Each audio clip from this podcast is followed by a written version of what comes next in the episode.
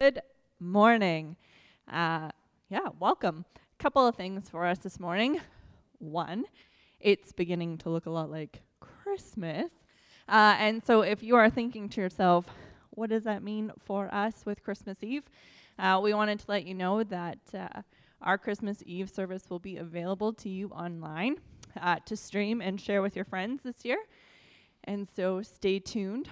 We will continue to give you information about that. Um, and two, not quite on such like a happy Christmas note, um, but just an update for you guys. Uh, we support several global workers, um, and Frank Julik, who has served faithfully in India for several years, uh, has gone home to be with the Lord. Um, and so we just want to pray for him and his ministry and those who are, you know, close to him and grieving his loss uh, during this time uh, as we just end the year. So uh, I invite you to pray with us uh, and worship with us this morning. God, we come to you and we thank you that we live in a world where uh, we can both recognize that, man, Christmas is coming uh, and it's full of expectation and, and celebration, uh, and at the same time, like real life. Um, and so we just ask that you would prepare our hearts to remember that you are Emmanuel, that you are God with us. Uh, and today we ask that you would just be with those who are um, closely mourning uh, Frank. Uh, we thank you that he served well. We thank you that you've called him home and that he's no longer suffering. And we just pray, pray that you would like bless his ministry and the work that he's started in India for your kingdom, God, that it would continue to be fruitful and multiply and make disciples and, uh, yeah, just a change in people's lives with the hope of Jesus. Jesus, we ask that you would be present and honored and glorified in everything we do today. From our worship to our prayer and our sermon, we ask that you would anoint this service, that you would bless it, uh, and that you would use it to help us become better disciples and better followers of Christ. We thank you for that. Amen. God, we thank you for your goodness towards us. We thank you that you're faithful.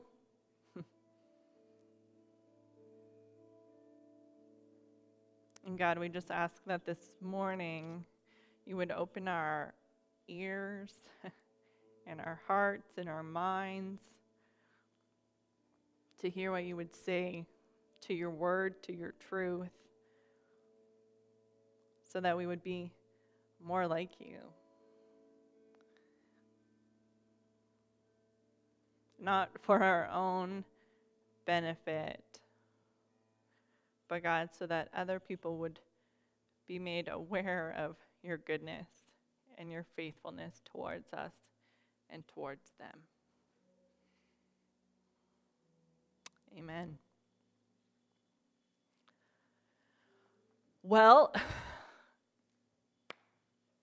how many of you have heard the expression, you are what you eat?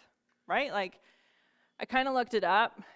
Depends if you're French or English. If you are French, that expression has been around since sometime in the 1800s. So the French coined it first. If you're English, 1930s. We kind of worded it the way that we actually talk. Uh, and, and it's coined by a couple of different scientists who, you know, essentially are saying what you put into your body is what you become because our cells reproduce and build and do all the stuff that cells do um, based on the nutrients that we give ourselves. So, on some level, it makes sense. Um, this morning, I want to challenge you that you are what you think. If you've been following along in church recently, then you would know that Pastor Rich had been preaching from the book of Ephesians. Uh, and this morning, we're going to look one last time at Ephesians for 2021. Uh, and if you have your Bible open, you can turn to chapter 4, starting in verse 17. And Paul writes, So I tell you this, and I insist on it in the Lord, that you must no longer live as the Gentiles do, in the futility of their thinking. They are darkened in their understanding and separated from the life of God because of the ignorance that is in them due to the hardening of their hearts. Having lost all sensitivity, they have given themselves over to sensuality so as to indulge in every kind of impurity with a continual lust for more. You, you, however, did not come to know Christ that way. Surely you heard of him and were taught in him in accordance with the truth that is in Jesus. You were taught with regard to your former way of life to put off your old self, which is being corrupted by its deceitful desires, to be made new in the attitude of your minds, and to put on the new self, created to be like God in true righteousness and holiness. Wow. As Christians, if we want to follow Jesus well, what we think matters. But before I begin to unpack that, let's just back up a little bit and take a look at what's going on in Ephesians. Uh, Ephesians was a letter, okay?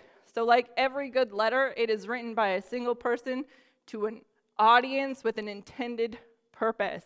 And this letter is written by the Apostle Paul while he is imprisoned to the church in Ephesus. And we've talked a little bit about the city of Ephesus throughout the last couple of months. Uh, we know that it was located in Asia Minor, and it's like at this integral part of that like place where it takes goods between the Middle East and Rome. And so it's like a bustling city. If you live in Prince George, then you know that we are at a crossroads of Highway 16 and Highway 97, and there is stuff that goes from like the port in Prince Rupert and the port in Vancouver to the rest of Canada and all over the province. Uh, and so it's a lot like that. There's a lot of diversity uh, and different people going in and out of it uh, because of its location. Um, because of this diversity, it is also uh, highly spiritualized and secularized, but it is hostile towards Christians, okay? Uh, the church there was planted by Paul on his third missionary journey, uh, and it's actually the place that he stayed the longest. And so he writes this letter to remind the church, the church that's in this city that is highly diversified, that you know has all sorts of beliefs, to remind them of the true gospel of Christ and then, in response to that, how both the believer and the church should look and live. Uh, but Paul is incredibly strategic in how he formats his letter. See, the first three chapters of Ephesians are about the gospel and gospel explanation.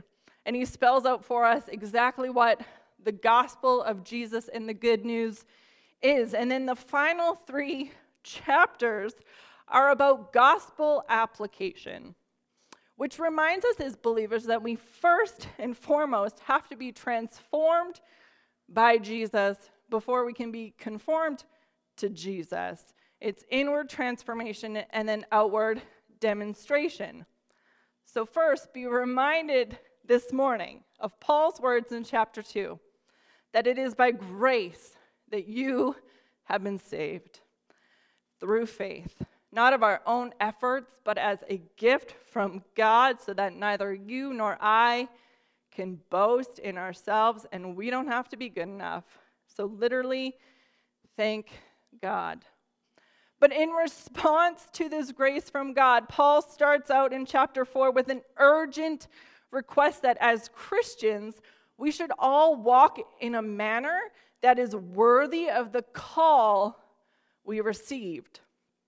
And then he begins to flesh out how we do that. He talks about walking in unity, he talks about walking in love, walking in light, walking in wisdom, and he also talks about what we're going to look at in depth today, and that's no longer walking as the unbeliever walks. And so I want to go back to our text real quick.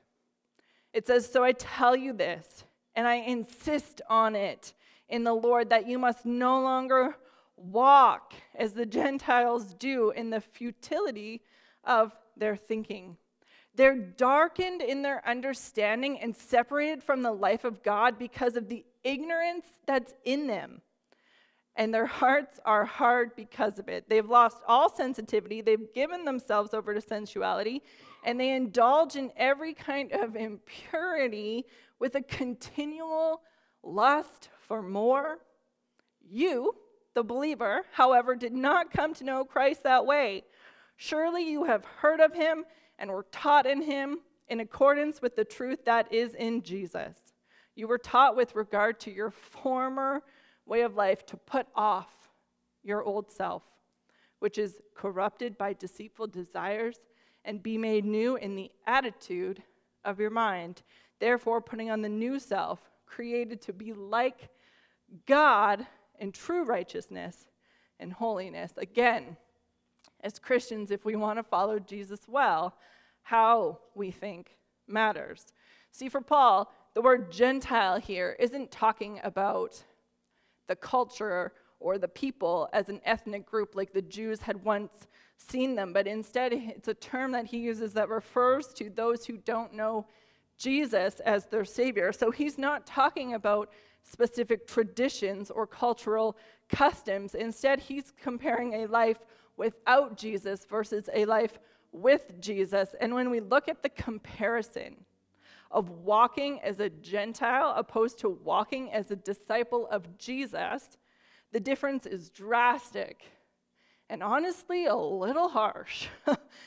See, what he's really saying is unless we're in relationship with Christ, the mind is disoriented, and the outcome is a life of sin.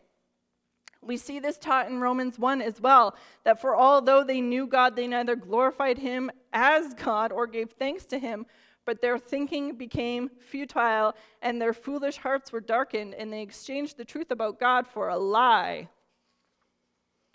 See, apart from Christ, it keeps using this, word, this word futile, but it really can be translated uh, to mean meaningless, worthless, useless. Like our thoughts, eh, not so great. They're also dark.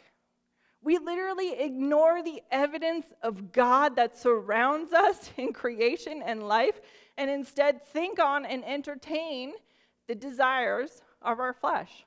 And that eventually we give in and we satisfy our own lusts willfully and longingly and repeatedly.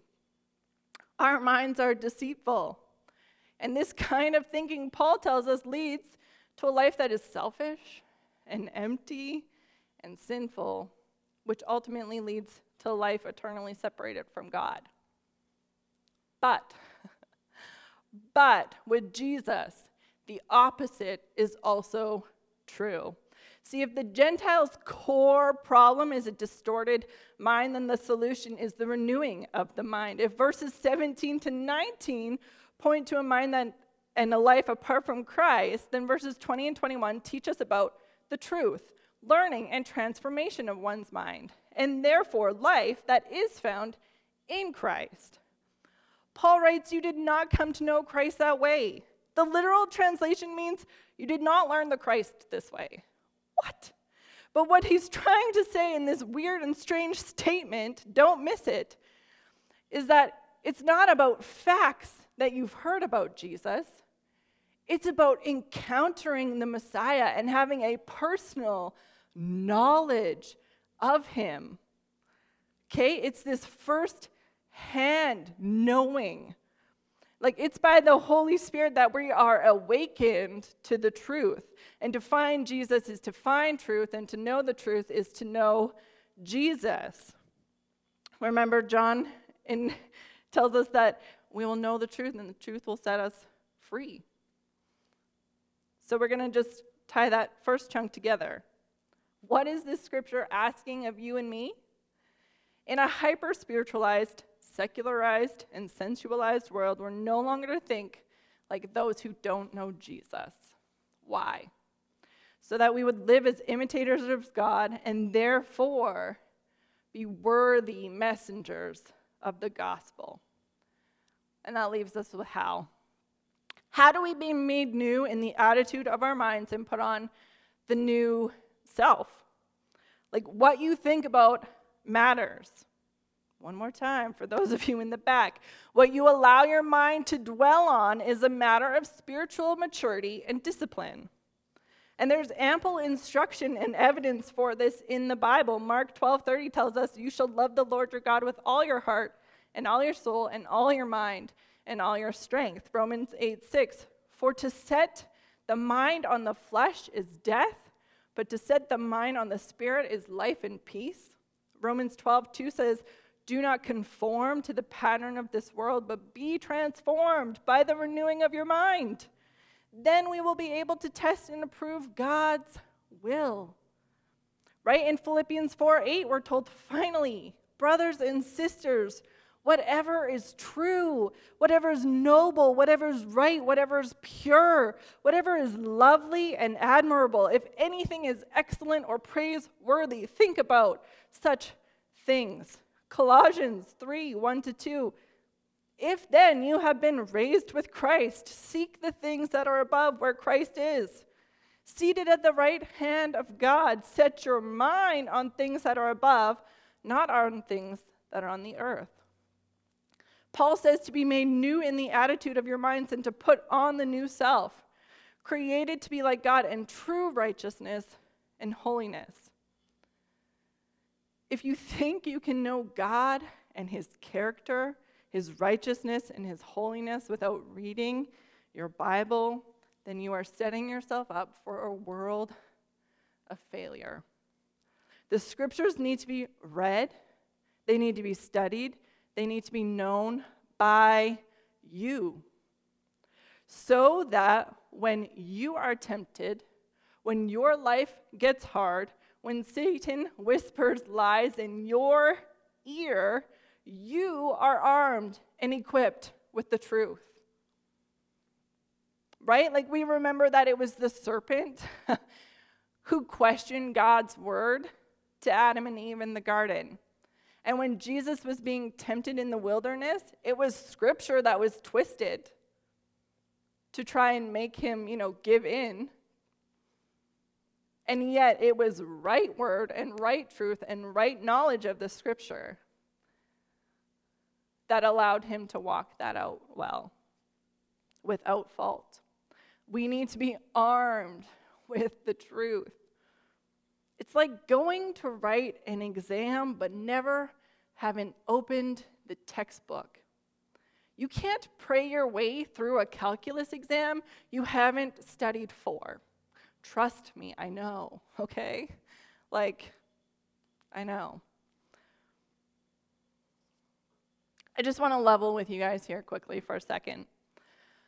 We are all sick and tired of COVID, right? But, like, honestly, COVID apparently isn't sick and tired of us. and I have absolutely no intention of getting into the politics of the virus, but I want to highlight something for you. In 2020, we were able to gather in church, in person, in this local building right here for six months out of the year. And we got to the end of 2020 and we're like, wow, that was hard, but we made it. Praise God. And then 2020 rolls around. 2021, yeah, this year, whatever year it is. And in this year, we've been able to gather in this local building for three and a half months. That's it. And after having conversations with so many of you and, and, and talking with you and praying with you, there are some things that are evident. Yes, we are so grateful that we have the opportunity to like get the word and the message out and to worship God online. Like I cannot say enough good things about God's timing and the people who run our sound and media right now. Okay? However, in spite of that, there seems to be this consensus that church online is not the same. Okay? Of course, it's not the same, it's online. But when we dig down deeper, there's a couple of things that factor into that. One is you miss the fellowship. Pastor Rich has preached on that. Get together with people and talk about Jesus, fellowship in your homes. But the second is that it's hard to engage and feel like you've met with God.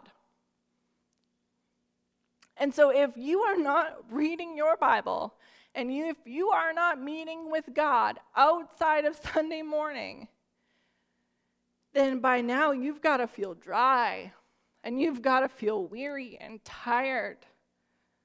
Like, on top of all the other things going on. But it's kind of funny because that's always been true. You can't just go Sunday to Sunday. And yet, the pandemic, what it did was expose what we thought we could get away with. Right? Like, we could come and we would have this like amazing time of worship in this spiritual high, and we'd be like, Yes, Pastor, amen. And we can hear people, and, and we're, we're just jacked, right? By the time we leave, we have our coffee, and we're like, Whoa, brother, let's go. But right now, we don't have that. And so it's exposed to truth that we need to be in the Word and spend time and pray with God outside of Sundays, but in a very glaring and obvious way. And my hope and my prayer is that in 2022, that yeah, we can gather. Because this is just a building, but we are the church, and it's good to be together. I honestly miss you. But what I don't want is for us to just be like, all right, church is back in person, we can do this, and then we just neglect our own devotional lives throughout the rest of the week because we're we're back to not feeling, you know, quite as empty and quite as low and quite as weary. Things are normal. No, it would be that we're gathering together and it's great, but we're also like spending time with God and we're growing and we're maturing and we are ready to run the race He has set out before us. Like we need to do both. So, yes, if we're going to renew our minds, first and foremost, we need to be on in the scriptures on a regular basis. We need to feed ourselves the Word of God. But second, we need to keep the garbage out. Today's culture has an allergic response to anything that sounds like legalism. I get it. I said inward transformation, outward demonstration, right? Saved by grace. Yet, in reacting so strong in the opposite direction, we've strayed away from the pursuit of holiness through choosing to be disciplined. Unpopular opinion but you can't have discipleship without discipline. Yikes. Glad I can't tell when you leave the service. What you watch on TV, the books that you read, the music that you listen to, the accounts you scroll through on social media all play a part in your formation, for better or worse. Legalism would say that we shouldn't watch or listen or read to anything secular at all. And I don't believe that's true. Like, YouTube is not the enemy of my soul, okay? One size fits all is legalistic.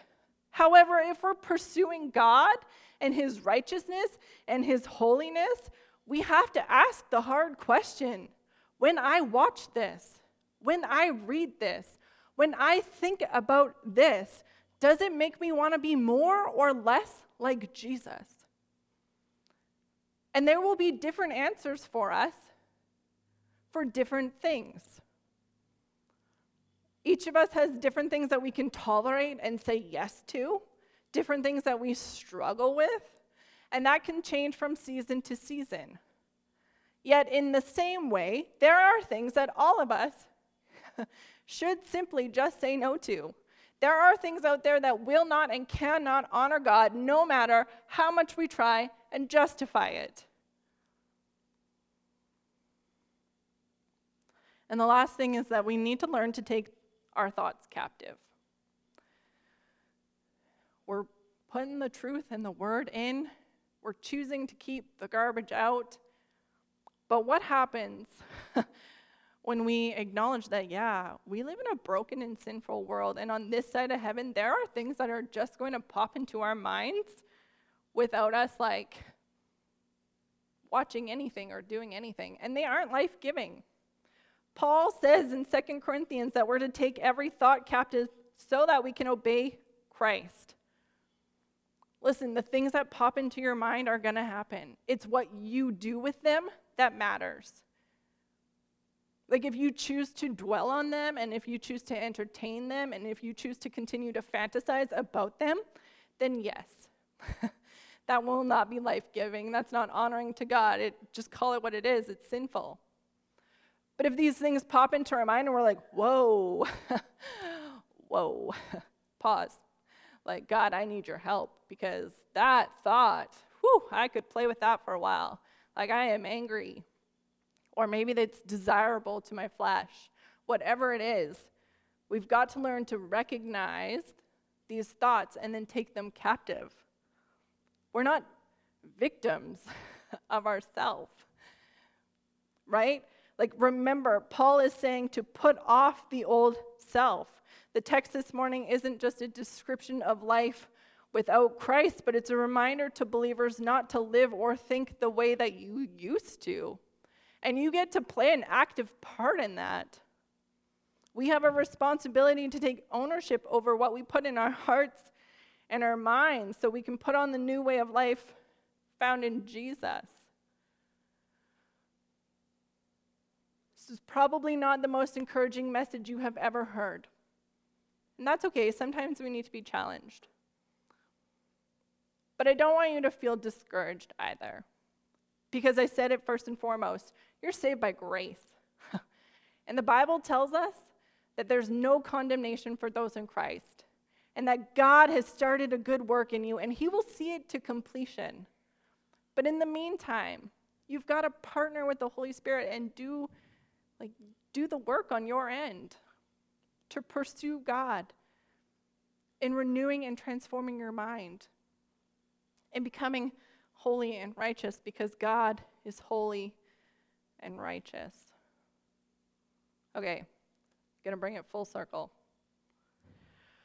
We are no longer to think like those who don't know Jesus, okay? We've got that. So that we would become like God in righteousness and holiness by the renewing and transforming of our minds, which happens when we spend time in the Word, we say no to garbage in, and we learn to take our thoughts captive. This is a journey and a process, and sometimes you'll get it right, and sometimes you'll get it wrong. And every time, Jesus will meet you with grace and forgiveness, and He will continue to empower you through the Holy Spirit. But if we're going to look different, if we are going to be people who go out into the community and represent God, then we got to look like God's love is so great that we're willing to be formed by it, and that God's salvation is so amazing that we are different because of it. Let's pray. God, this morning we just want to thank you that first and foremost, we are saved by grace through faith. Jesus, that we couldn't earn it and we don't deserve it, but you chose to willingly give up your life for us in love but that death couldn't hold you, that you rose from the grave, that you ascended to heaven, that you are seated with God at the right hand of the Father, and that you're interceding for us. Like you want to see us do well. You love us and you pursue us. We thank you that we're on a journey and that it's never too late to put off the old self and to put on the new self. Help us to commit to renewing our minds each day, to get in your word and your truth, so that it would be so written on our hearts and our minds that nothing could take it away, nothing could distort it, that we would know the truth.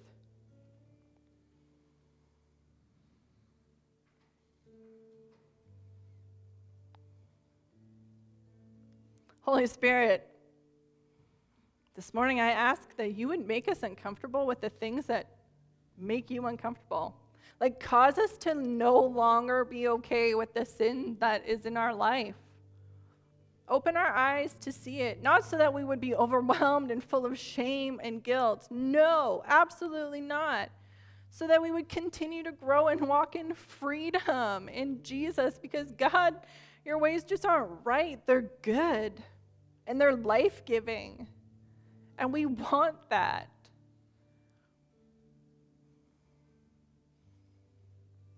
Finally, we just ask that as we do this, as we partner with you, Lord, as we rely on your Holy Spirit to empower us to walk this out, that we would take ownership of the things we can take ownership on.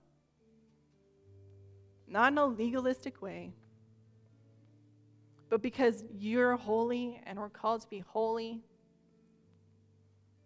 Because we want to be messengers of the gospel, worthy of the call we have received. Because we want to see people in our lives know the truth about Jesus and be saved.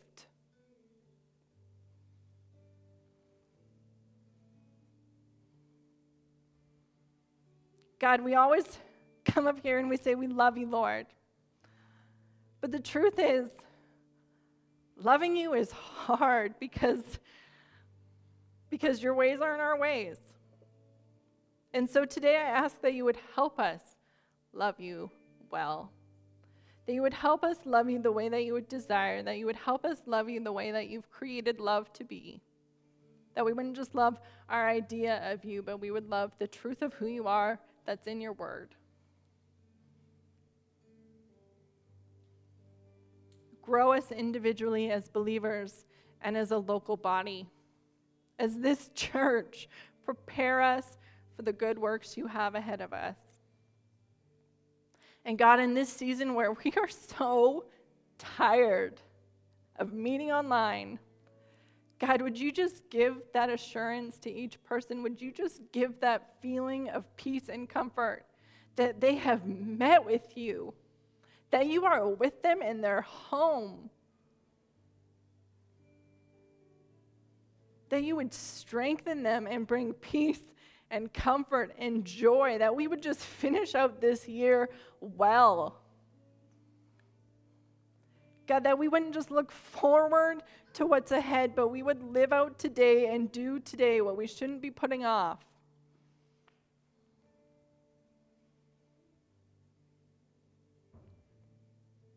God, just take this message and use it for your good. In Jesus' name. Amen.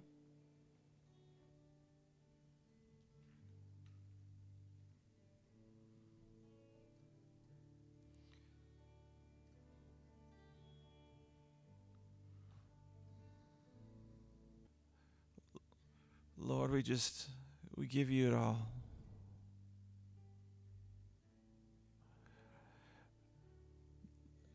Stir our hearts to lay it all down before you. Stir our hearts to seek you every day in your word and in prayer to you, Lord God. Draw us near, Lord God, I pray. Help us to feel you. Feel you right beside us as we go through our work, as we engage with one another and our families, our friends. Be with us, God, I pray. In your precious and holy name. Amen.